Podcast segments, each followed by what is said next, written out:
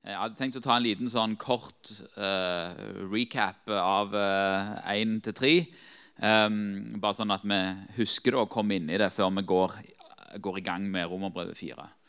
Uh, I Romerbrevet 1 til 3 så Altså Romerbrevet sin oppbygning Den var litt høy, litt skarp, denne her. Sånn. Dere hører meg fremdeles, gjør dere ikke det? Ja.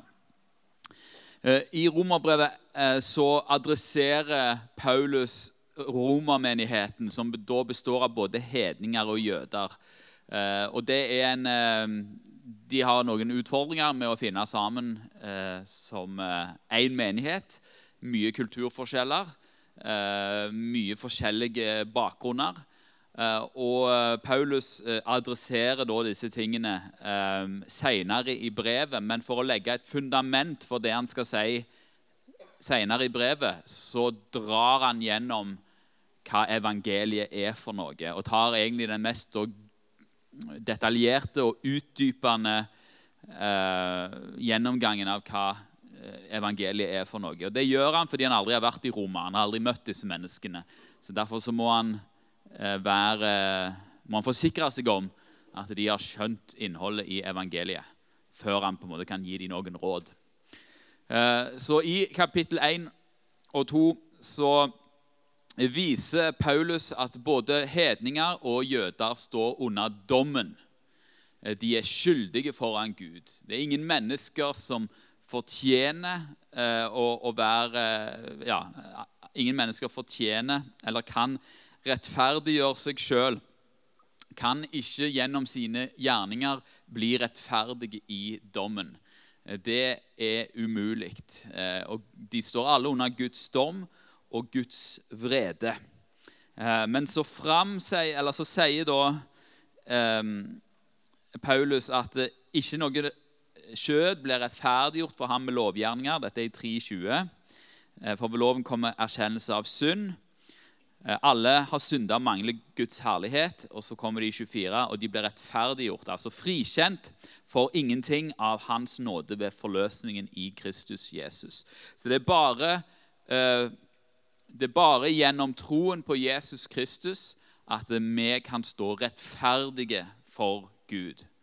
Um, og i, det, i kapittel 4, da, så, uh, så Altså um, Eh,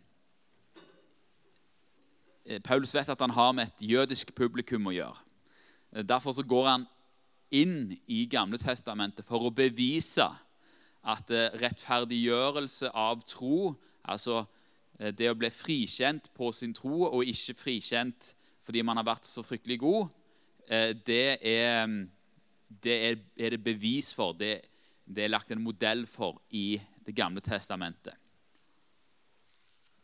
Og han gjør dette med å gå inn i eh, historien om Abraham. Så nå går vi rett inn. Romerbrevet 4, 1-8. Hva skal vi da si at vår far Der skal det stå 'vår far'. Eh, vår far Abraham oppnådde etter kjødet. Dersom Abraham ble rettferdiggjort pga. gjerninger, da har han jo noe å rose seg av. Men det har han ikke for Gud. For hva sier Skriften? Abraham trodde Gud, og det ble tilregnet ham som rettferdighet. Den som har gjerninger, får ikke lønnen av nåde, men som noe han har fortjent. Den derimot som ikke har gjerninger, men tror på ham som rettferdiggjør den ugudelige, han får sin tro tilregnet som rettferdighet. Slik priser også David det mennesket salig som Gud tilregner rettferdighet uten gjerninger. Salige er de som har fått sine overtredelser tilgitt og sine synder skjult. Salig er den mann som Herren ikke tilregner synd. Og Det er et par begreper som dukker opp her, men vi skal begynne litt. grann. det Abraham eh, oppnådde etter skjødet altså Skjødet er jo et, sånn, et begrep som, som, dukker opp her. Hva er skjødet for noe? Det er da det naturlige. Det naturlige mennesket. Hva var det Abraham oppnådde i det naturlige? Eh, han, eh, han, oppnådde jo egentlig ingenting. Eh, det at han ble far i den alderen han var, det var jo et mirakel. Eh, og så sier Paulus at dersom Abraham ble rettferdiggjort, altså frikjent pga. gjerninger, da har han noe å rose seg av. Altså, han har noe å se så flink jeg er. Men det har han ikke for Gud. For hva sier Skriften? Eh, og det, det som blir referert til her, er første Mosebok 15, eh, vers 6. Så er det Abraham trodde Gud, og det ble tilregnet ham som rettferdighet. Det står ordrett i Det gamle testamentet. Han, eh, eh, Gud hadde lovt Abraham at han skulle bli far til en mengde folk. Det trodde Abraham på, og det ble tilregnet han som rettferdighet. Derfor ble han eh, erklært rettferdig. Ikke fordi han hadde, eh, ikke, ikke fordi han hadde gjort noen gjerninger. Når, når, den som har gjerninger, får ikke lønnen av nåde, men som noe han har fortjent. Når du går på jobben din og får betaling, da får du lønn som en fortjeneste. Du har gjort noe for å få den. Hvis du får en gave, så har du ikke gjort noen ting for å få den. Og da er det, det er ikke nåde. Lønn er fortjent. Nåde er, er noe annet. Den som har gjerninger, får ikke lønnen av nåde, men som noe han har fortjent. Den derimot som ikke har gjerninger, men tror på Han som rettferdiggjør den ugudelige, som frikjenner den ugudelige. Han får sin tro tilregna som rettferdighet. Så det, det, er rett, altså, det, er ikke mine gjerninger som kan frelse. og Det var ikke gjerningene til Abraham Det var ikke det at Abraham var så fin og flott som gjorde at Gud talte til ham. Men når Gud åpenbarte seg for Abraham, så valgte eh, Abraham å tro på Gud, at han var sann. Eh, og, og det er det som er det er det som er inngangsporten til livet med Gud. Når vi tror på Jesus ja, jeg, jeg, vet at jeg ikke får det til, men jeg tror at Jesus er Gud. At han er Guds sønn, at han døde på et kors og sto opp igjen fra de døde. Eh, da blir jeg rettferdiggjort. For jeg har sagt om Gud det som er sant. Det er, eh, Den blir rettferdiggjort. Hvis jeg ikke tror det, så sier jeg at Gud er en løgner. Eh, eller at eh, Jesus ikke er Gud, eller Jesus ikke er Guds sønn. At Jesus ikke har stått opp fra de døde. Noe som ikke er sant. Og Da gjør jeg både Guds frelsesverk og det han har gjort, til ingenting. Um, slik priser også David det mennesket salig som Gud tilregner rettferdighet uten gjerninger. Uh, salige er de som har fått sine og Dette er jo referanse til en salme, da, salme 32. Salige er de som har fått sine overtredelser tilgitt og sine synder skjult. Ehm, det som, eh, Salig er den mann som Herren ikke tilregner synd. Og Dette ordet 'tilregne' det betyr 'sette på kontoen til'. Ehm, det som David her bekjenner, er jo at det, finnes synd. Det finnes overtredelser. Alle mennesker har synda og, og, gjort overtredelser mot Gud. Men salig, altså lykkelig, er den mann som har fått sine overtredelser tilgitt og sine synder skjult. Og hva er det som tilgir vår synd, og som skjuler vår synd for Guds åsyn? Det er Jesu blod. Det er det han har gjort. Salig er den mann som Herren ikke setter syndene på kontoen til. For de har blitt satt på kontoen til Jesus, og han har betalt. Um, og så, da, så, kommer vi til virkelig poenget til hvorfor uh, uh, Paulus drar fram uh, Abraham i denne sammenhengen. Så drar han fram Abraham. Abraham er jo stamfaren til israelsfolket. Og, og Derfor er det et poeng å dra ham fram. Så Han viser at deres stamfar fikk løfte av nåde, ikke pga. gjerninger. Pga. troen på, på Guds løfter. Og så kommer han til det som er poenget. Husk at han snakker både til jøder og hedninger her. Eh, fra vers 9 til 12. Gjelder nå denne saligprisningen de omskårne, dvs. Si jødene, eller gjelder den også de uomskårne, altså hedningene? Vi sier jo at troen ble regnet Abraham til rettferdighet. Hvordan ble den så tilregnet ham? Skjedde det etter at han var blitt omskåret, eller da han var uomskåret? Ikke da han var omskåret, men da han var uomskåret. Og Han fikk omskjærelsens tegn til seil på den rettferdighet av tro som han hadde fått da han var uomskåret. Slik skulle han være far til alle de troende som er uomskårne, så rettferdigheten kunne bli tilegnet også dem. Og likeså far til de omskårne, som ikke bare har omskjærelsen, men også følger i fotsporene av den tro som vår far Abraham hadde da han var uomskårnet. Så det som eh, Paulus sitter, Han stiller noen retoriske spørsmål til jødene. Abraham, når fikk han troen regnes til rettferdighet? Når han, når han var omskåret, eller når han var uomskåren? Og Så ser man at eh, han var uomskåren når troen ble regnet til rettferdighet. Så fikk han omskjærelsen som et tegn, som et paktstegn på, på, på avtalen mellom Gud og mennesker. Um, så, så når, han, når, Paulus spør, eh, stiller disse spørsmålene, så er, det jo, er det jo en utfordring til de òg. Sjekk Skriften. Dette står. Sjekk hva som står. Eh, så han fikk omskjærelsens tegn til seil. Eh, så omskjærelsen var et tegn på hva da? På rettferdigheten av tro som Abraham hadde fått. Eh, og på den måten, sier Paulus, så er Abraham far til alle uomskårne. Til alle troende som er uomskårne, så rettferdigheten kunne blitt tilegnet også dem. Det vil si alle som har Abrahams tro, eh, er han far til. Eh, og han er òg far til de omskårne, som ikke bare har omskjærelsen, tegnet, som gjør at de viser at de følger i slekta, men òg følger i fotsporene av den tro som vår far, far Abraham hadde da han var uomskåren.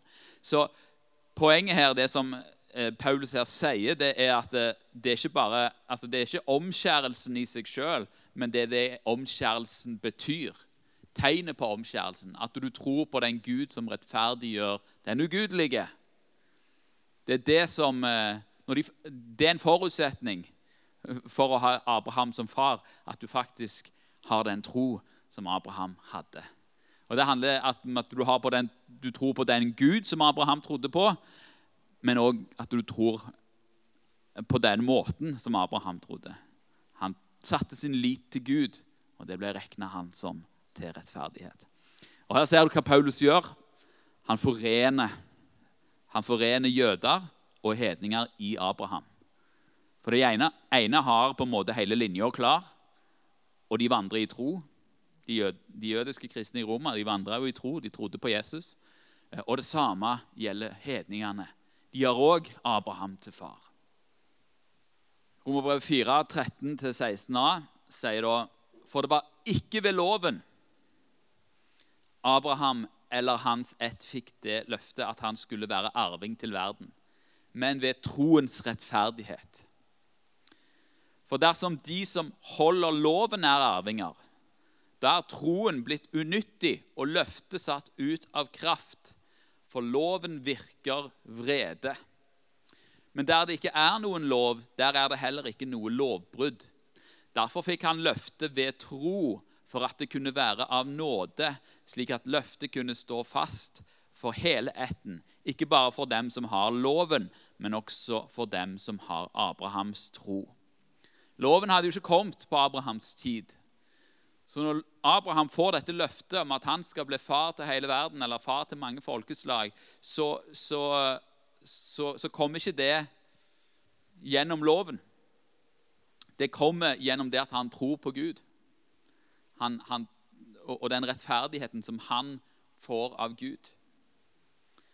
Um, og så sier Paulus da at hvis, hvis um, det er de som holder loven, som er arvinger, da er jo troen unyttige, løftet satt ut av kraft. Da, da handler det jo bare om Yes, her er oppskrifta. Da kjører jeg på. Og så, når jeg har fulgt oppskrifta, så får jeg arv, arven som noe jeg har fortjent, og da kan jeg slå meg på brystet. Men sånn er det ikke. Um, for loven virker vrede. Det vil si, lovens konsekvens er vrede. Den viser at uh, mennesker er syndere. Eh, og Det er derfor han får løftet ved tro, sånn at det kunne være av nåde. Eh, og Da kunne òg dette løftet stå fast, ikke bare for de som har loven, dvs. Si Israels barn og jødene, men òg for de som har Abrahams tro. Det er for alle oss som tror. Abraham som forbilde. Og Her kommer man inn på det, fra 16b til 22. Han er jo far til oss alle, slik det står skrevet. Til far for mange folkeslag har jeg satt deg. Han er vår far i Guds øyne, den Gud som han trodde på. Han som gjør de døde levende og kaller på det som ikke er til, som om det var til. Mot håp trodde han med håp for at han skulle bli mange folks far, etter det som var sagt, slik skal din ett bli. Uten å bli svak i troen tenkte han på sitt eget legeme som alt var utlevd. Han var jo snart 100 år.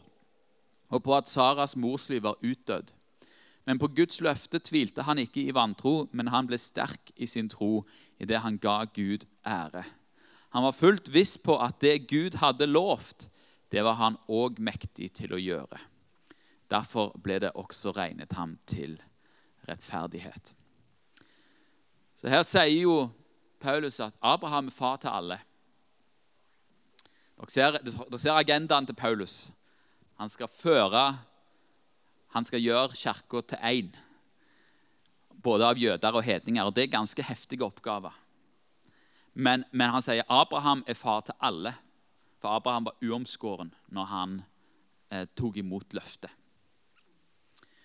Eh, og, og, i det så kommer også løftet til far for mange folkeslag har jeg satt, deg. Og det, det er òg noe som, som står. Um, det kan vi lese om i 1. Mosebok 17. Han fikk jo, Det var flere folkeslag som stamte fra Abraham. så står det at han er vår far i Guds øyne. Det vil si, når Gud ser på oss, så ser han på oss som arvinger, som Abrahams arvinger. Eh, så, så, så du kan trygt se på Abraham som din forfar.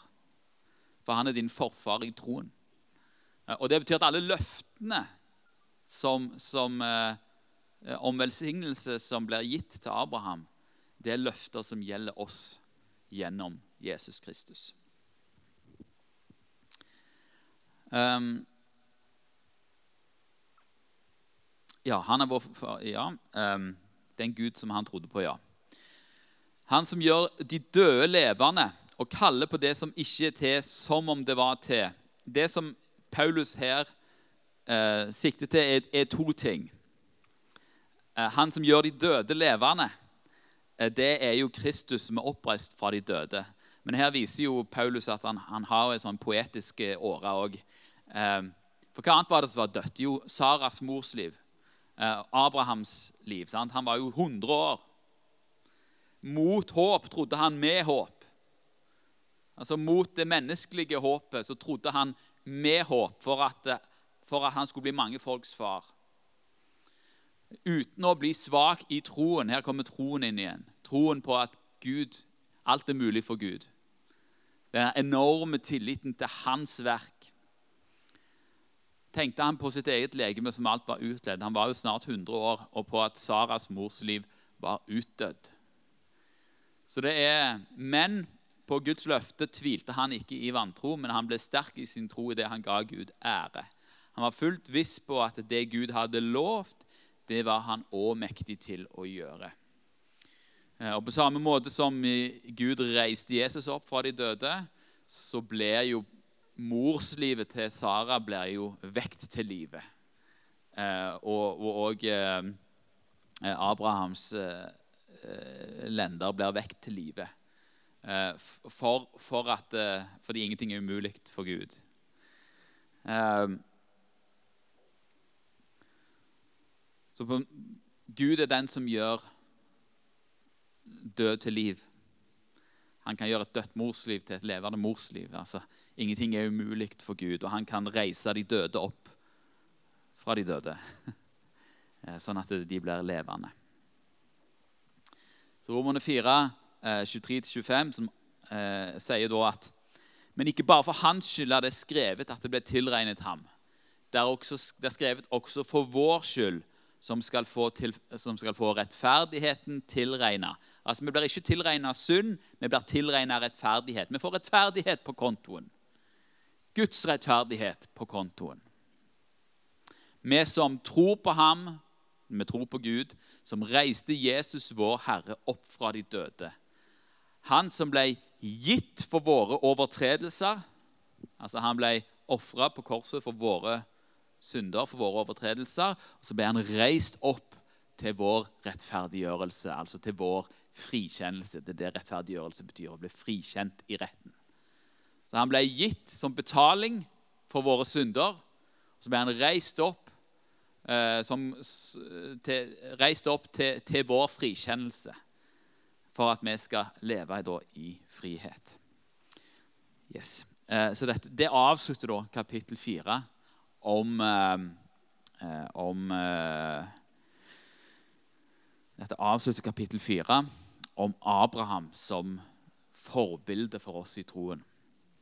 Her ser man da hvordan Paulus fører jøder og romere sammen. Dere har én far og det, det, det, er bare tro ved rettferdiggjørelse. Det er det det begynte med. Det er det som er hensikten. Eh, løftet kom ved, ved, dette. Så kommer da kapittel fem, eh, der, eh, der, der eh, Paulus da går inn og viser da følgene av rettferdiggjørelsen. Altså konsekvensene av at vi nå har blitt frikjent i domstolen. Frikjent i Guds domstolen. Hva har vi da? Vers 1-5. 5-1-5. Da vi nå er rettferdiggjort av tro, altså vi er fri, frikjent av vår tro på Jesus, så har vi fred med Gud ved vår Herre Jesus Kristus. Ved ham har vi også ved troen fått adgang til denne nåden som vi står i. Og vi roser oss av håp om Guds herlighet. Ikke bare det, men vi roser oss også av trengslene. For vi vet at trengselen virker tålmodighet, tålmodigheten virker et prøvet sinn, og det prøvede sinn håp. Og håp gjør ikke til skamme, for Guds kjærlighet er utøst i våre hjerter ved Den hellige ånd, som er oss gitt. Vi har fred med Gud ved vår Herre Jesus Kristus. Når vi har blitt rettferdiggjort på grunn, altså frikjent i domstolen pga. det Jesus har gjort, så har vi fred med Gud. Og det fins ingenting som er bedre enn det. Å stå rein og rettferdige foran Gud og ha fred. Og da nærme seg Gud som ikke i frykt for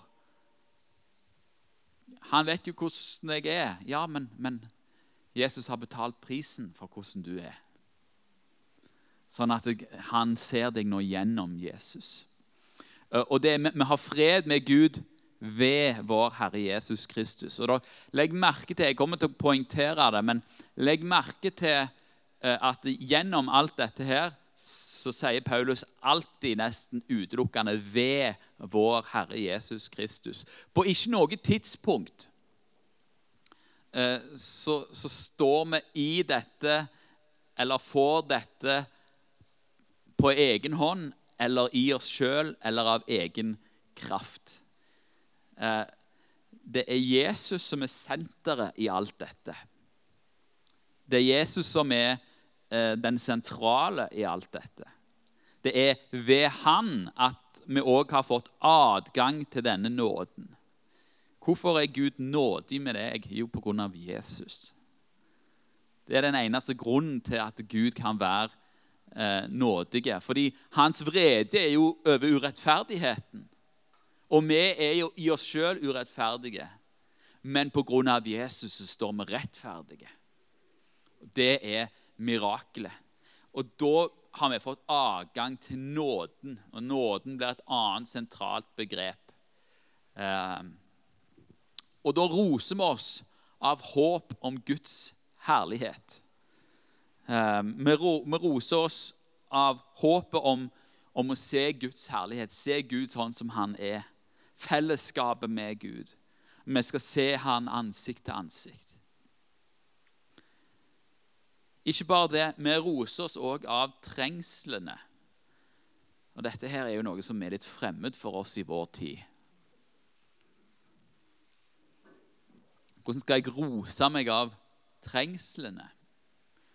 Vi, er litt for opptatt i vår del av verden av å unngå trengsler. Av å unngå det ubehagelige. Vi skriker ganske høyt pga. strømprisen. Det er mye vrede som oppstår. Og matprisene. Og det er jo Det, er jo, eh, det går jo utover økonomien. Det gjør jo det. Sant? Det um, Men jeg vil jo hevde at til tross for det så har flesteparten av oss det allikevel ganske godt, selv om det er litt akkurat. Um, vi sulter ikke nødvendigvis. Men, eh, men, Paulus sier at vi skal rose oss av trengslene. Dvs. Si all motstand som måtte komme. Fordi det virker tålmodighet. Og tålmodigheten virker da et prøva sinn. Et sinn som da er Ja, hva er dette her for noe? Og det prøver sin håp. Hva er, det, hva er det Paulus prøver å fortelle i dette? Trengselen er eh, altså motstand i verden. Det virker tålmodighet, det virker prøvesinn, og det prøvesinn håp. Eh, hva, hva, er dette håpet som gjør at eh, vi kan rose oss av trengslene? At vi kan rose oss av eh, ja, Som på en måte virker tålmodighet og et prøvesinn. Ja, hva er dette prøvesinnet for noe? Jo, eh, det er når du innser at eh, når du innser hva det betyr at Jesus har dødd på korset for meg og mine synder, eh, og jeg har nå fred med Gud, eh, og jeg kan bli kalt et barn av Gud og er arvinger til, til Hans rike Ja, da har du kommet i mål, da. Da er du jo da, Du vet Det er ikke noe mer du kan oppnå da. Og det er ikke så farlig lenger da. Det, det, er helt greit å dø. Det er helt greit å miste alt. Får, med, får du ikke med deg allikevel. Sant? Er dere med på tanken? Hvis du gjennom trengselen stoler på Jesus Ja, ja, men Jesus er jo herre over alt. Jesus er herrers herre og kongers konge. Det er ingenting som skjer som han ikke har kontroll på. Han tar vare på meg. Jeg kan gå gjennom sult, jeg kan gå gjennom smerte, jeg kan gå gjennom sorg, jeg kan gå, gå gjennom forfølgelse, jeg kan gå gjennom fattigdom. Alle disse tingene kan jeg gå gjennom. Hvorfor det? Det er for Jesus passer på meg, for det har han lovt. Og Jesus har dødd for meg. Det er håpet. Og Det betyr at den dagen det er tid for meg å dra herifra, så så skal jeg se Guds herlighet pga. Jesu kors. Og Det er litt vanskelig for oss å tenke sånn, spesielt i vår del av verden, fordi vi, vi, vi pleier ikke å møte på døden så ofte.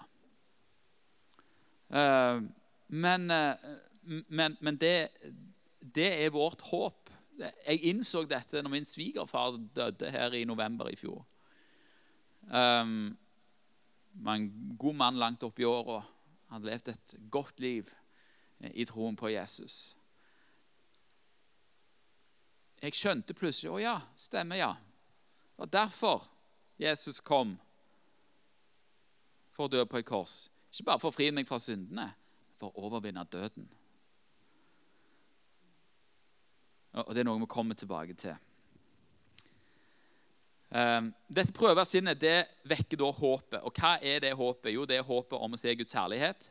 Og dette håpet gjør ikke til skamme. Altså, Det er ikke et håp som ikke er fundert i virkeligheten. Hvorfor det? Jo, fordi Guds kjærlighet er utøst i våre hjerter ved Den hellige ånd, som er oss gitt. Det vi kan kjenne på at dette her er ekte, det er Guds kjærlighet som er utøst i hjertene våre ved Den hellige ånd. Hvis du har møtt Jesus, fått et møte med han, og bare kjent at åh, Jesus elsker meg. Gud elsker meg så høyt. Så, så merker du at ja, men hvordan kan jeg oppleve meg elska av noe som ikke er reelt, da? Ja, men det er reelt. Hvorfor opplever du deg elsket? Det er fordi det er sant. Det er ikke, det er ikke psykobabbel. Dette her er ikke en du lurer deg til en måte å tenke på. Det er en realitet. Jesus lever. Gud lever. Og når du opplever hans kjærlighet i Den hellige ånd, så er det et tegn på at det, det du håper på, det, det er sant. Det skal bli sannhet eh, en gang i sin helhet og i sin fullkommenhet. Og så er det da ja, men Hvordan kan jeg vite at Jesus elsker meg? For følelsene våre går jo litt fram og tilbake. Sant? Fordi vi, ja, Ikke alltid jeg føler meg elsket av Gud. Men jeg har møtt Guds kjærlighet. Men hva er beviset, da? Hvor kan jeg gå hen? Jo, Romerbrevet 5, 6, 8 sier For mens vi ennå var skrøpelige, døde Kristus til fastsatt tid for ugudelige for Guds fiender, for de som var mot Gud, for de som ikke kjente Gud. For knapt nok vil noen gå i døden for en rettferdig. Skjønt for en som er god, kunne kanskje noen ta på seg å dø. Men Gud viser sin kjærlighet til oss ved at Kristus døde for oss mens vi ennå var syndere. Der er kjærligheten. Hvis du lurer på om, om du er elska, om Gud elsker deg, så fins det et kors som du kan se på. Så høyt elsker Gud deg at han var villig til å betale prisen for dine synder. Bli et menneske. Først fornedre seg til å bli et menneske, og så fornedre seg ytterligere med å dø på et kors. Hvorfor det? Jo, for deg. Fordi han elsker deg, og fordi han ikke ville at dine feil og dine feilgrep og dine synder skulle komme mellom han og deg. Han oppsøkte mennesket, betalte prisen for mennesket for å dra mennesket til seg. For å dra mennesket ut av elendighet, ut av fortapelse, ut av syndens fangehull og lenker. Til seg. Det er kjærligheten. Det er så høyt Gud elsker oss. Og det er ganske heftig. Paulus fortsetter videre. Hvor mye mer i Romerbrev 5, 9-11. Hvor mye mer skal vi da, etter at vi har rettferdiggjort ved hans blod, ved ham alt Der kommer det igjen. Ved ham bli frelst fra vreden. For ble vi forlikt, med Gud ved hans sønns død, da vi var fiender, skal vi så mye mer bli frelst ved hans liv etter at vi er blitt forlikt. Ja, ikke bare, det, men vi roser oss også av Gud ved vår Herre Jesus Kristus. Ved ham har vi fått forlikelsen. Når for, Forlikelse det kommer av det er et gresk ord som heter katalage, som betyr forlikelse eller forsoning. Eh, og det er da en, en endring fra fiendskap til vennskap. Eh, er det noen som har vært i forliksrådet her? Eller eh, I forliksrådet, hva gjør man det? Jo, man prøver å løse en konflikt. Eh, og så prøver man å inngå forlik. Vi gir litt her og tar imot litt her, sånn at vår status kan skifte fra å være fiender til å være venner. Så, så gjennom, eh, gjennom Jesu død på korset så har vi ikke bare blitt frikjent i domstolen, men vi som var Guds fiender, har nå blitt Guds venner gjennom det Jesus har gjort. Og, og det er alltid her da ved ham. Ved hans blod, ved ham. Vi blir frelst fra vreden, altså Guds vrede. Guds, du vil ikke være Guds fiende.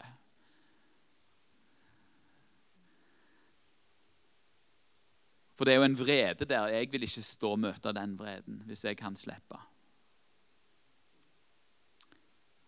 Og gjennom Jesus så slipper jeg. Så fordi Gud elsker meg så, så har han sendt Jesus for at jeg skal bli frelst fra vreden.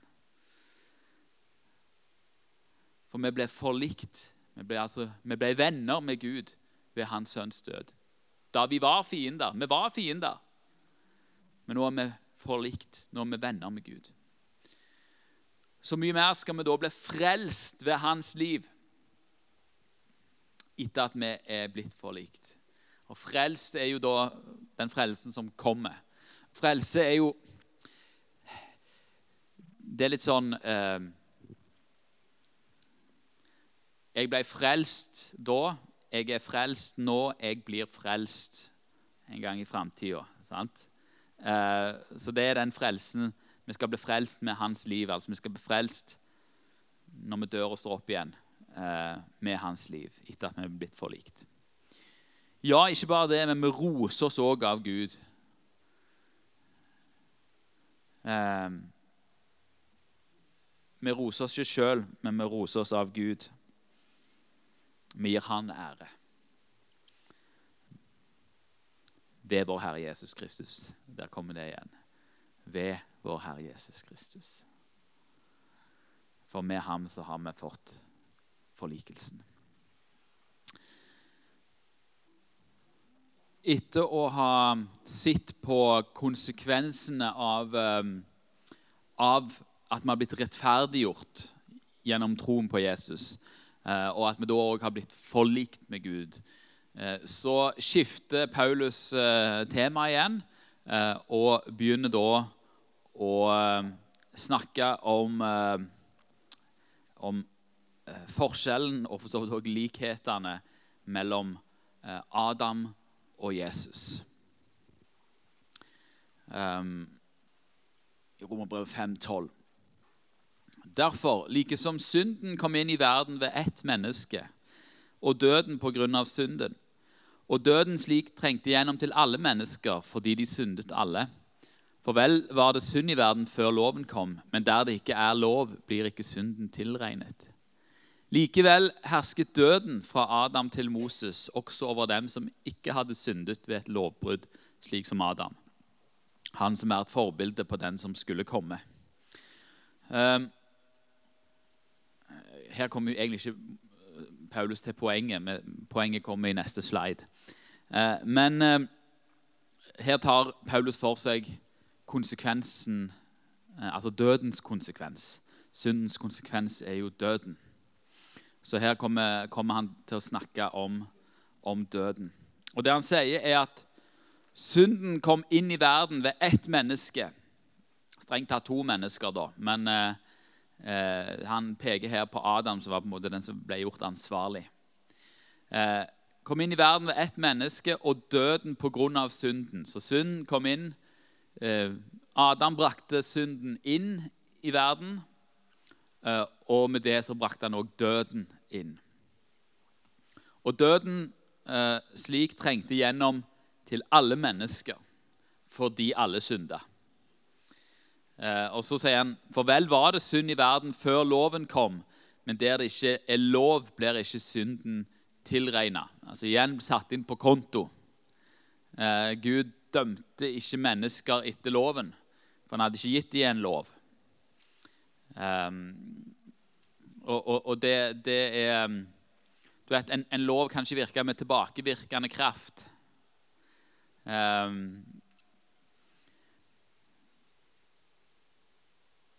men um, eller, eller det er ikke rettferdig. Men likevel så herska døden fra Adam til Moses. Moses er jo han som kom med loven. Også over dem som ikke hadde syndet ved et lovbrudd, slik som Adam.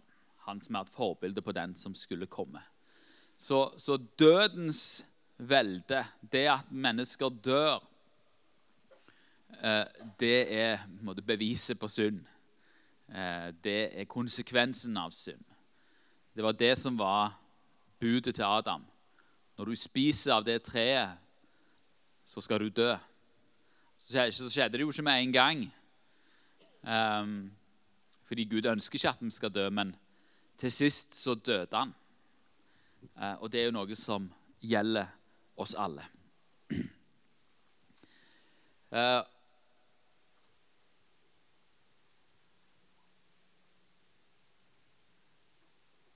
Adam står at han som er et forbilde på den som skulle komme, det er jo Jesus. Og Da tenker, tenker kanskje du, og det tenkte i hvert fall jeg i dag, eh, hva slags forbilde er han? Eh, jeg eh, har ikke så lyst å, å, ha, Adam som forbilde. Men, det er ikke det som er ment når man sier forbilde her. Det er mer han, han er et bilde på den som skal komme. I den forstand av at det, valget som Adam gjorde, det får konsekvenser for deg. Sant? Du var ikke den første som synda. Du synder fordi din forfar synda. Synden kom inn i verden av Adam. Så vi er jo alle, har jo alle på en måte arva eh, døden som konsekvens av Adams synd. Og vi arva synden òg. Eh, så det som, eh, det som eh, Adam gjorde, det fører til, til fall. Og det samme så er det da det som Jesus har gjort. Det er òg for alle mennesker. Det er òg for konsekvens for alle mennesker. Så Adam var den første som synda, og, og alle, alle er vi etterkommere av han. Jesus er den første som levde rettferdig, og i troen på han så er alle etterkommere av han. Er dere med på den? Dette begynner eh, Paulus å forklare. Men med nådegaven er det ikke som med fallet. Nådegaven er her da eh, gaven som er gitt i nåde. Det er ikke tungetallet det her snakker om, eller profetisk gave, eller det vi kaller for nådegaver. Det er nådegaven med store N, eh, som er evig liv i troen på Jesus. Med nådegaven er det ikke som med fallet. For er de mange døde pga. den enes fall, som, er, som var tilfellet med Adam, så er mye mer Guds nåde og nådens gave i det ene mennesket Jesus Kristus blitt overmåte rik for de mange. Og med gaven er det ikke som da den ene syndet. For dommen kom etter den ene synd og blei til fordømmelse for oss alle. Og fordømmelse, hva er det? Eh, når vi sier, bruker ordet fordommer og fordømmer noen, så, så, så, er det liksom noe som skjer før dommen. At vi dømmer noen før de er dømt. Men her er fordømmelse er her konsekvensen av å bli dømt skyldig. Det er å bli fordømt. Um, Dommen kom etter den ene synd og ble til fordømmelse. Men nådegaven kom etter manges overtredelser og ble til frifinnelse. Nådegaven i Jesus Kristus kom etter mange overtredelser, manges overtredelser, inkludert mine. Og det ble til frifinnelse. Frifinnelse i dommen. Eh, for om døden kom til å herske ved den ene fordi denne ene falt, hvor mye mer skal da de som mottar nådens og rettferdighetsgavens overstrømmende rikdom, leve og herske ved den ene Jesus Kristus? Så når Adam falt, så kommer døden inn i verden, og døden er det som hersker. Men de som mottar nådens og rettferdighetsgavens overstrømmende rikdom.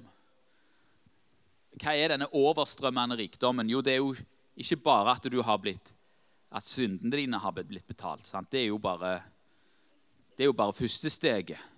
Så, så, sier jo Paulus at du har blitt forlikt med Gud. Eh, altså Du er frikjent i domstolen. Du har blitt venner med Gud. Du har blitt et Guds barn. Tygg litt på den. Du har blitt medarving med Kristus. Eh, du har blitt en ny skapning. Blitt et tempel for Den hellige ånd skal jeg begynne å ramse opp et, et, et, et kongelig presteskap. Ehm, denne nåden her, den er ganske overstrømmende rik. Det er ikke småtterier vi har fått. Det er enorme greier vi har fått. Og, og, og det er jo det som på en måte, og det er helt ufortjent. Du, du får alt dette her i Jesus Kristus. Alt det som Jesus er får du. Det er jo helt vilt. Jesus er altså, med, altså, medarving altså, Den førstefødte blant de døde blir Jesus kalt. Eh, og det er, ganske, det er ganske vilt. Så vi skal ikke bare De som mottar nådens og rettferdighetsgavens overstrømmende rikdom, de skal leve Døden skal ikke herske. De skal leve og herske. Døden hersker, men de skal leve og herske i seg sjøl pga. sine gode, rettferdige gjerninger. Nei, ved den ene, Jesus Kristus. Alltid det. Han er senter. Han er senter. Så eh, kommer et altså. Og når noen sier 'altså', eh, da repeterer de det de nettopp har sagt. Eh, og det er det som skjer her i Romerbrevet 5, 1821. Det er at Paulus repeterer det han nettopp har sagt. Altså, like som én manns overtredelse ble til fordømmelse for alle mennesker. En manns synd, en manns overtredelse av et bud som Gud hadde gitt, det førte til fordømmelse ikke bare for han, men for alle mennesker etter han. Slik blir også en manns rettferdige gjerning til livsens rettferdiggjørelse for alle mennesker. En manns rettferdige gjerning, det er Jesus Kristus. Det ene mennesket som har vært helt rettferdig, ble til livsens rettferdiggjørelse. Altså livsens frikjennelse for alle mennesker. Eh, og her må vi jo da eh, Ja. Eh, det er noen som misbruker dette verset til å si at oh ja, alle, alle mennesker blir frelst. Det tror ikke jeg. Hadde vært veldig bra hvis alle mennesker ble frelst. Men det, det tror jeg ikke. og Jeg tror ikke det som er poenget. Poenget er at alle mennesker kan bli frelst. Det er for alle mennesker. Det er for alle som vil ta imot. Men du kan ikke bli tvungen til å ta imot.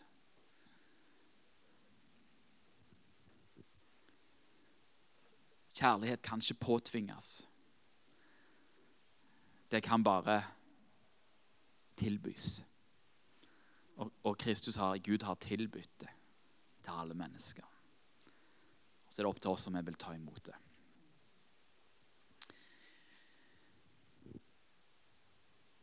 For like som de mange ble stilt fram som syndere ved det ene menneskets ulydighet Altså man, man eh, Paulus bruker her forskjellige begreper bare for å illustrere det samme. Overtredelse og fordømmelse, rettferdige gjerning og rettferdiggjørelse, syndere og ulydighet. Så skal også de mange stilles fram som rettferdige ved den enes lydighet. Ved Adams ulydighet så ble vi alle syndere. Gjennom Jesus Kristus sin lydighet så ble vi rettferdige. Men loven kom til for at fallet skulle bli stort. Hva betyr det? Var ikke fallet stort nok i seg sjøl? Jo, det var det. Men for at vi skulle se hvor stort fallet var For de fleste mennesker, før de leser loven, tenker om seg sjøl at ja, jeg er jo ganske bra, jeg. Hvis du spør ja, hvor god er du på en skala fra 1 til 10, ja, så vil de fleste plassere seg sånn. Ja, Fem-seks, kanskje. Ja, kanskje ikke helt 10, men i hvert fall, i hvert fall bedre enn han. Da pekte jeg på Daniel. Det var ikke meninga, Daniel. jeg er i hvert fall bedre enn den, eller bedre enn den. sant? Uh, men, men Ja. Og så unnskylder vi vår egen ondskap, vår egen synd. Men loven kommer til for å slenge din synd rett i fleisen og si eh, Synd blir avslørt som synd. Um, for at fallet skal bli stort. For at du skal få se hvor stort det fallet er. At det ikke er ja, ja, det var et lite feiltrinn. Det er katastrofe. Men der synden ble stor Og dette er Guds egentlige hensikt med loven. Der synden ble stor, ble nåden enda større. Synden er stor, men nåden er større. Hvorfor det? Jo, loven kom for at du skulle se hvor fortapt du er. Og for å se hvor stort det er at Jesus har dødd på korset for dine synder. At du skal få se hvor stort det er han har frelst deg fra. Du skal se at du er fortapt. Du skal se at 'jeg fikser det ikke'. Du skal se at 'dette klarer jeg aldri i verden å få til'. Og Først da er man jo i stand til å ta imot og gripe nåden.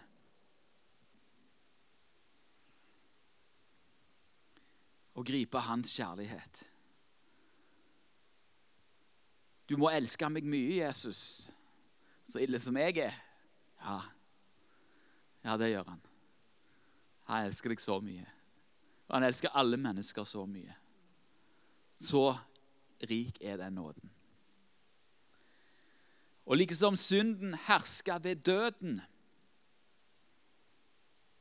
så skal òg nåden herske ved rettferdighet til evig liv ved Jesus Kristus, vår Herre. Han i sentrum. Nåden ved Jesus Kristus så skal nåden herske ved rettferdighet til evig liv. Synden hersker ved døden, men nåden hersker med livet.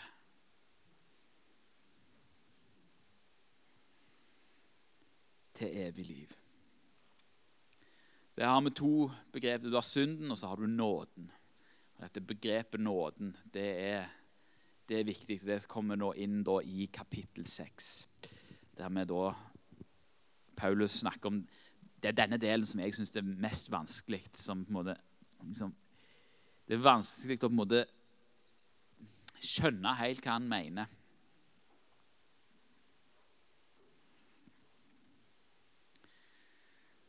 Han begynner her med et retorisk spørsmål. Dette er et spørsmål som jeg tror han har stilt før i romerbrevet. Og han stiller det også senere.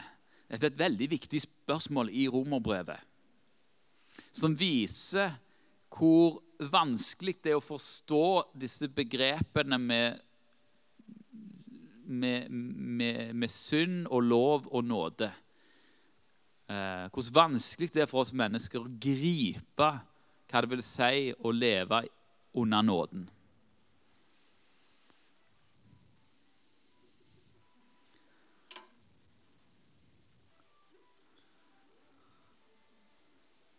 Ja, hvem sin er det? Sånn, ja. Hva skal vi da si? Skal vi forbli i synden for at nåden kan bli dess større? Vi leste nettopp at uh, der synden ble stor, så ble nåden enda større. Så da spør Paulus et retorisk spørsmål. Ja, skal vi forbli i synden da, for at nåden kan bli enda større? Så at vi kan få del i enda større nåde. Langt derifra, sier Paulus. Um, men, men, det er jo lett å tenke at man har blitt forvirra av disse tankene. Ja, men Det er jo ikke noen lov lenger. Det er jo ikke noen lov, Da kan jeg jo bare gjøre som jeg vil. Nei, nei, nei, nei. Det, det er jo nettopp det. Um, vi som er døde fra synden, hvordan skulle vi ennå leve i den? Hva betyr det? Døde fra synden? Er jeg død fra synden? Hva, hva, det gir ikke mening. Eh, men Paulus prøver å forklare det. Eller vet dere ikke at alle vi som ble døpt til Kristus Jesus, ble døpt til hans død? Vi ble altså begravet med ham ved dåpen til døden, for at like som Kristus ble reist opp fra de døde ved Faderens herlighet, så skal også vi vandre i et nytt liv.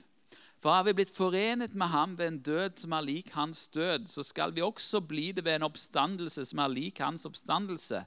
Vi vet at vårt gamle menneske ble korsfestet med ham for at syndelegemet skulle bli tilintetgjort, så vi ikke lenger skal være slave under synden. Altså Dåpen som vi ble døpt med, den er til hans død. Det er det, det, er det som skjer i dåpen. Begravd med Kristus, oppreist med Kristus. Eh, så når vi blir døpt, så, så, så begraves Du korsfestes. Du dør.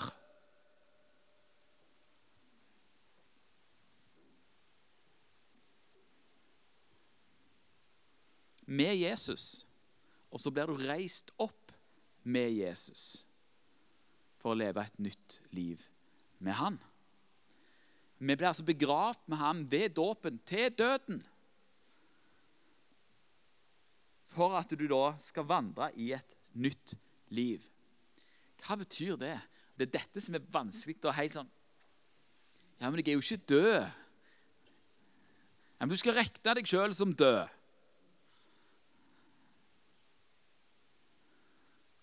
Og så skal du regne deg sjøl som oppstått. Det, det, er derfor Hvorfor tror dere at, at eh, disiplene og apostlene og Paulus og alle de første kristne egentlig hadde så få problemer med å dø? De ble jo torturert og henretta, hele gjengen. Hvorfor, ble, hvorfor, hvorfor det? Ja, de var jo allerede døde. De regna seg sjøl som dødsdømt den dagen de ble døpt. Ja, jeg er død.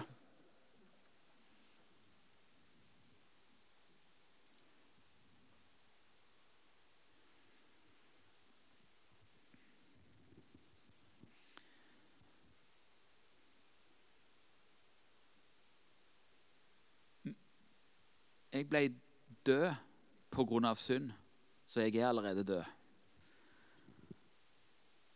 Og Dermed så skal vi òg vandre i et nytt liv i, i hans liv. Er vi blitt forent med han ved en død som er lik hans død, så skal vi òg bli det med en oppstandelse som er lik hans oppstandelse. Det er noe som kommer. At vi skal bli som han. Men vi skal allerede regne oss som oppstått.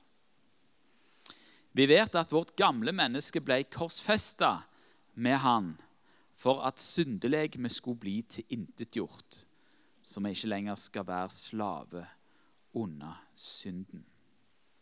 Og dette er vanskelig å begripe. For jeg har jo fremdeles dette syndelegemet. Altså, jeg, ja, jeg har blitt dukka ned, men det har jo ikke skjedd noe sånn Jeg merker ikke den store forskjellen i kroppen. Kroppen er jo kroppen. Men i Guds øyne så er kroppen din død. Han ser bare Kristus. Han ser deg bare gjennom Jesus.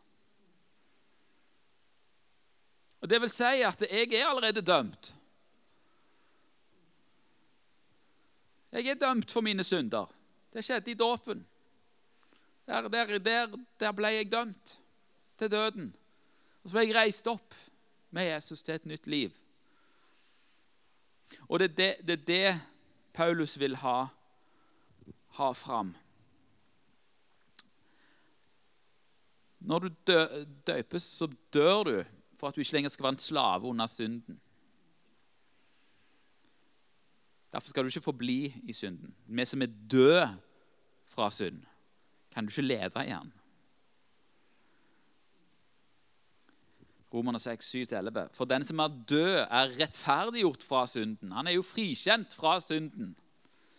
Men døde vi med Kristus, da tror vi, også, da tror vi at vi også skal leve med ham. Vi døde med Kristus, og vi skal leve med Kristus, med Han. For vi vet at etter at Kristus er reist opp fra de døde, dør han ikke mer. Døden har ikke lenger noen makt over ham. For sin død den døde han en gang for synden, men sitt liv det lever han for Gud. Slik skal også dere regne dere som døde for synden, men levende for Gud i Kristus Jesus. Altså, vi skal ikke være Vi skal ikke regne oss eh, altså Vi skal regne oss som, som døde for synden. Og hva, hva betyr det? det? det? er vanskelig å forstå. Jeg òg sliter med å forstå det. Uh, og, og, jeg sliter enda mer med å artikulere det og sette ord på det. Uh, men det handler, det handler um, Altså Døden har ikke lenger noen makt over de som allerede er døde. Sant? Kristus har dødd, så døden død, død og stått opp igjen. Så, så Jesus, døden har ingen makt over Jesus. Og fordi døden ikke har noen makt over Jesus, så har døden heller ikke noen makt over deg. Og synden har heller ikke noen makt over deg. Dermed kan du si, når synden kommer og banker på døra, og synden er vekka til livet, så liksom Å ja. Ja. men du har ikke noen makt. Betyr dette at vi blir syndfrie? Nei, sannsynligvis ikke. Ehm, men det betyr at eh, vi kan leve et helt annet liv. Eh, og òg et liv, et seirende liv i forhold til synd. Så vi slipper å synde. Ehm, og hvordan skjer det, da?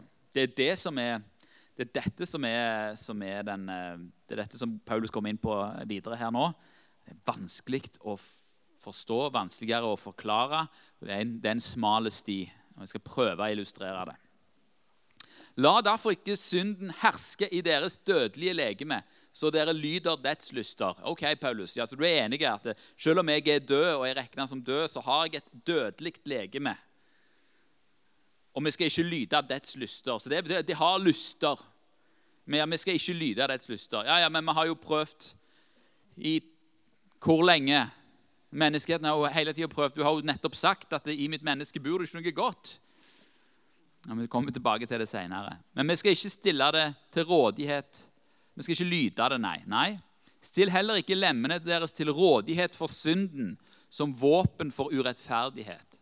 Altså, Synd er ikke bare lovbrudd. Synd er å ødelegge det som Gud har skapt. Du vet, Mesteparten av, av synd som vi gjør, gjør vi mot andre mennesker. Når vi misunner andre mennesker, baktaler andre mennesker, kjefter på andre mennesker, er urimelige mot andre mennesker. Og når vi gjør det, så krenker vi Guds skaperverk. Vi krenker Guds øyensten.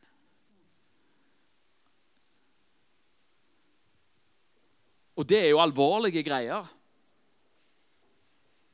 Så fins jo tilgivelse for synd, heldigvis. Ellers er vi jo fortapt alle mann. Men jeg skal, ikke, jeg skal ikke ta lett på synd. Jeg skal ikke ta lett på, på synden. Men, eh, og, og jeg vil ikke være et våpen for urettferdighet. Det er det djevelen vil. Djevelen vil bruke min kropp. Og spesielt meg som er, som er, som er en forkynner. Som liksom skal være forbilde i troen og sånne ting. Vil at jeg skal være et våpen for urettferdighet. Men, men, men, ja, men framstill dere for Gud som de som av døde er blitt levende. og by deres lemmer fram som rettferdighetens våpen for Gud. For synden skal ikke få herske over dere. For dere er ikke under loven, men under nåden. Dette er det som er vanskelig å forstå. Hva betyr det?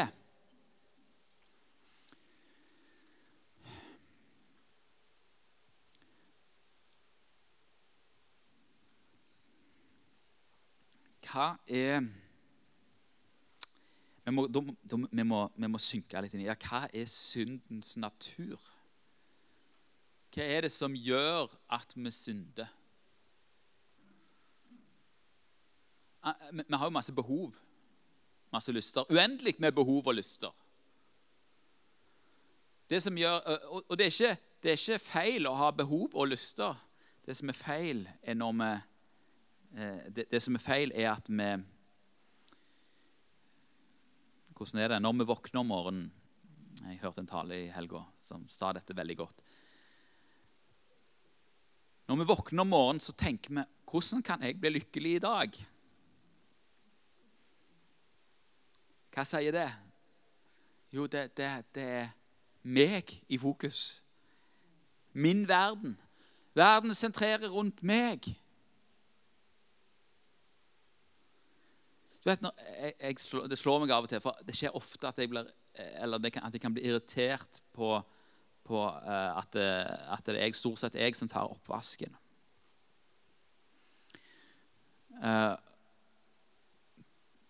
Og når jeg blir sint og irritert over dette, så Hvorfor blir jeg sint og irritert over det? Jo, fordi at det passer ikke meg å ta oppvasken. Jeg skulle gjerne hatt noe annet.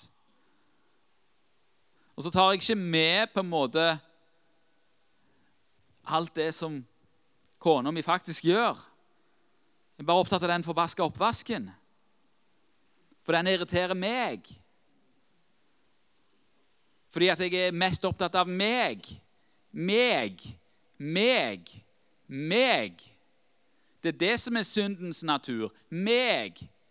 Hva er, hva er, hva er det som, som, som, Adam og Eva gjorde? Jo, de, de ønska å bli som Gud. Når universet kretser rundt Kristus, rundt Gud Det er sånn han har skapt solsystemet til og med. Du vet, jorda krets, Det er ikke sånn at universet kretser rundt jorda. Jorda er bare en liten prikk rundt sola. Hva, er det Gud vil si med dette? Jo, han vil si at eh, du er ikke sentrum i universet. Og synden er at vi setter oss sjøl i sentrum av universet.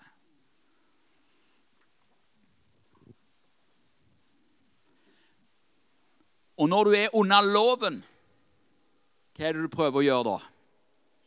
Fariserene, vet du, som de, de levde etter loven, de. Ned i minste detalj. Var de veldig gode mennesker? Kommer de veldig godt fram i evangeliene? Nei. De gjør ikke det. De blir de mest dømmende menneskene du kunne finne.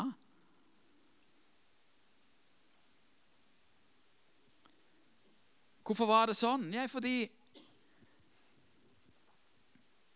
Fordi de, de, de,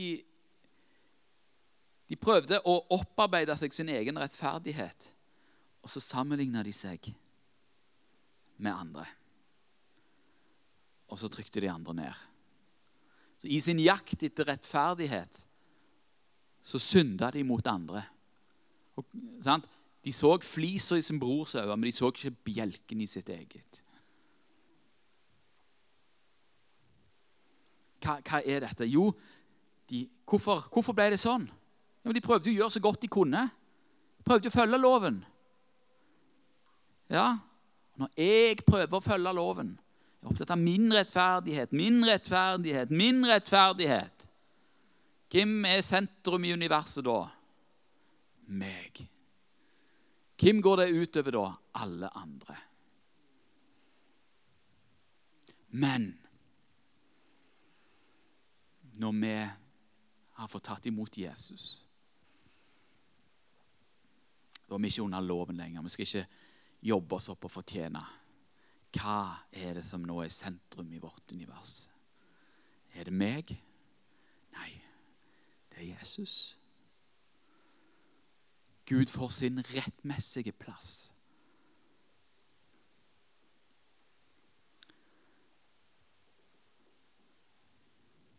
Vi kaller Jesus for Herre.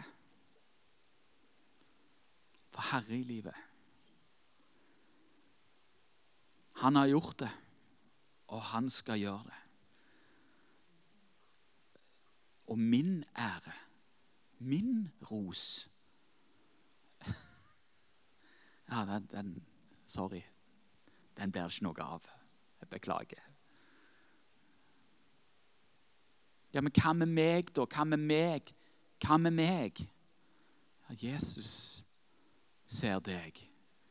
Jesus har gjort alt for deg. Alle behov som du trenger for anerkjennelse, den får du i Jesus.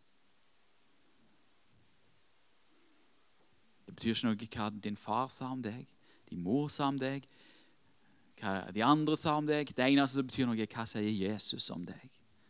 Og Jesus sier at du er verdt å dø for, og jeg har gjort det.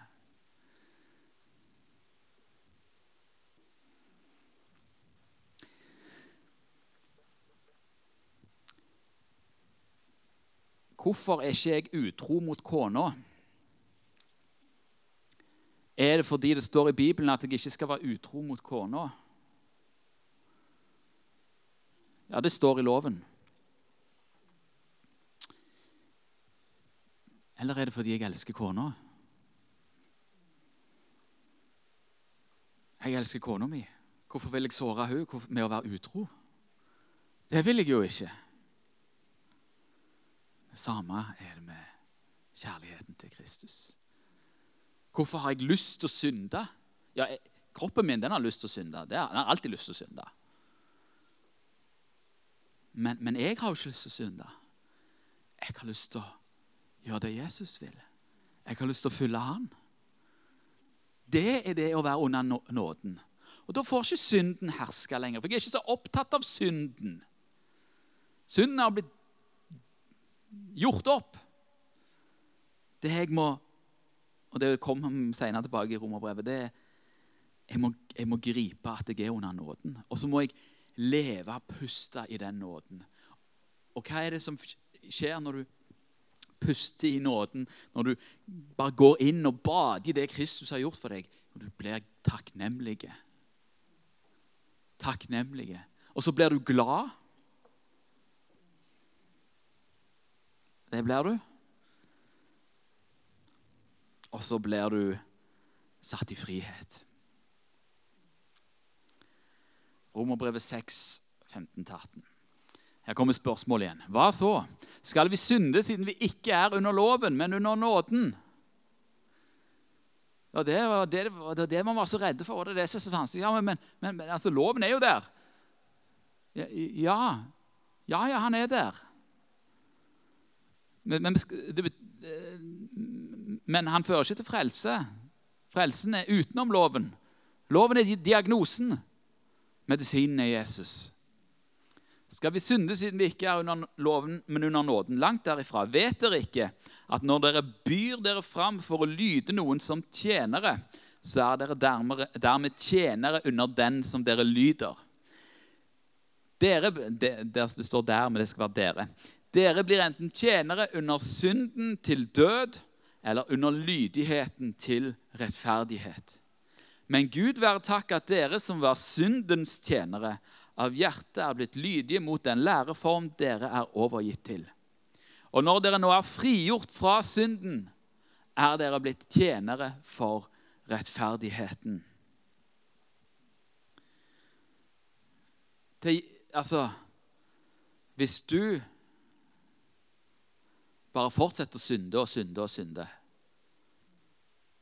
jeg har tatt mot Jesus, men kjører på akkurat samme måte som før, uten anger eller noen sånne ting, elsker du da Jesus? Elsker du han? Jesus stiller et retorisk, spørs retorisk spørsmål. Hvorfor kaller dere meg herre og gjør ikke det jeg sier? Men betyr det at men er ikke dette gjerningskristendom, da, Thomas? At du skal gjøre så mye gjerninger? Handler dette om gjerningene? Nei, det handler ikke om gjerningene for å bli frelst.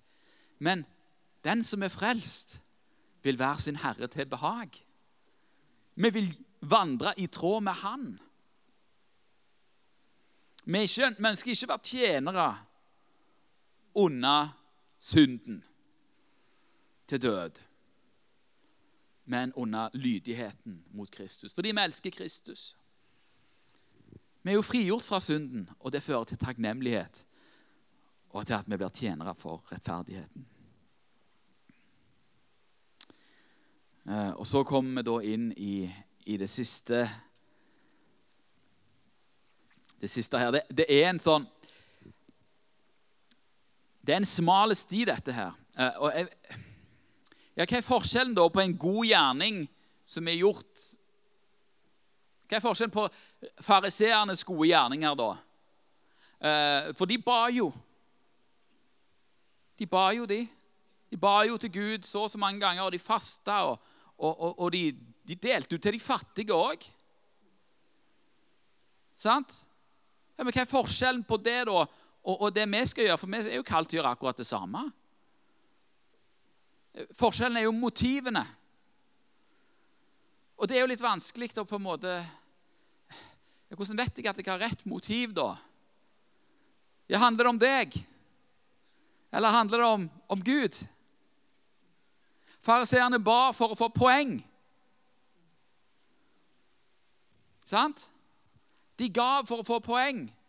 Og de ga gjerne sånn at andre kunne se at de gav òg. Hva er det Jesus sier? Når du ber, Lukk døra di, gå inn til Gud som er i det skjulte. Det blir ingen anseelse å få for det, ingen som ser det. Når du faster, så ikke kle deg i sekk og aske. Nei, vask, vask deg.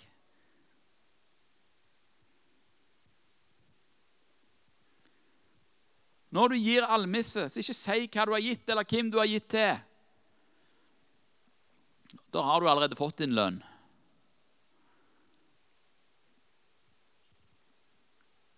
Det er det som er skummelt med å fortelle om eh, de gode gjerningene man gjør. Det er jo det er sånn, eh, Forkynnere sånn som jeg havner fort i den grøfta. Så liksom, ja, ja, da tok du betalingen da i dette livet. Det var jo dumt. Du kunne hatt det på konto. Du kunne hatt det skjult. Jeg vil ikke fortelle deg hvor mye jeg faster, eller eventuelt ikke faster. Eller hva jeg har gitt og ikke gitt. Og Det handler ikke om meg. Det handler om han. Det handler om han som har gjort det. Så liksom, Vi ber ikke for at folk rundt oss skal være fornøyde. Ja, ja, ok, vi ber, vi ber. Eller som vi kan si, ja, nå har vi bedt. Vi ber fordi vi elsker Jesus. Vi gir fordi han har gitt til oss. Ikke for å få poeng i boka. Jeg taler på menneskelig vis pga. deres kjødelige skrøpelighet. Ja, det er godt det, Paulus, for vi er jo kjødelige skrøpelige. Det er vanskelig for oss mennesker å forstå disse tingene.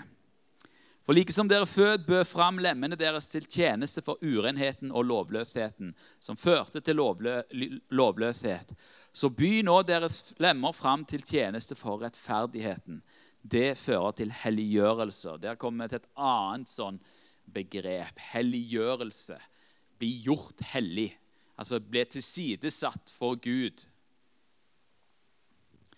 Gud er hellig, han er annerledes, han er tilsidesatt. Og vi òg skal være som han, tilsidesatt for han. Eh, og hva vil det si? Hvis vi, har, hvis vi har Gud i sentrum, hvis vi har Jesus i sentrum, så, um, så blir vi som han. Så blir vi som som han. Uh, dette er noe som jeg kan si, for det, det, det er en sånn Nå snakker jeg framsnakker noen andre. Eh, jeg hadde en kompis som, eh, som Ja, jeg hadde begynt å reise som forkynner. Hadde ikke midler. Og så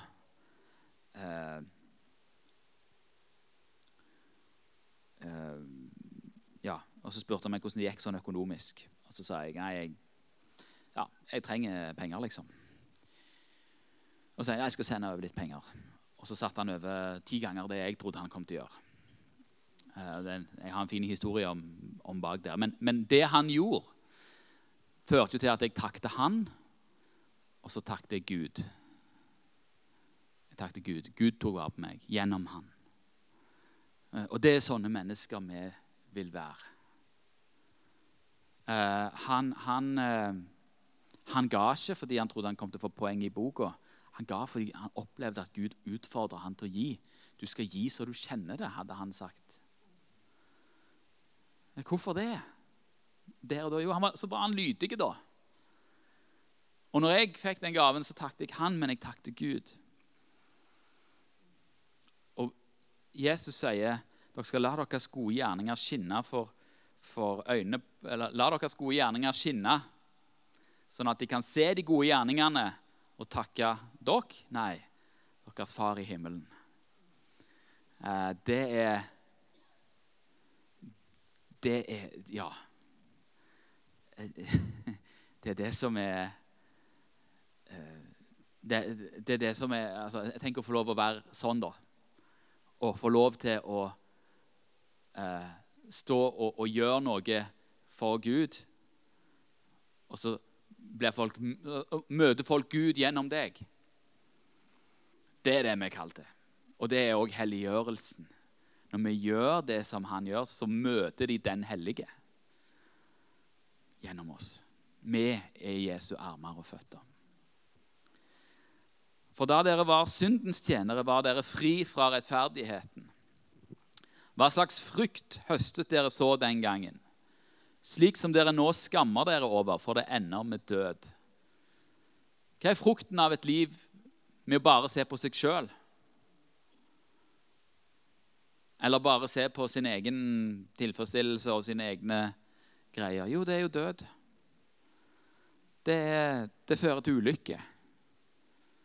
Så jeg bare tenker på meg, meg, meg, meg, meg Ja, det går dårlig.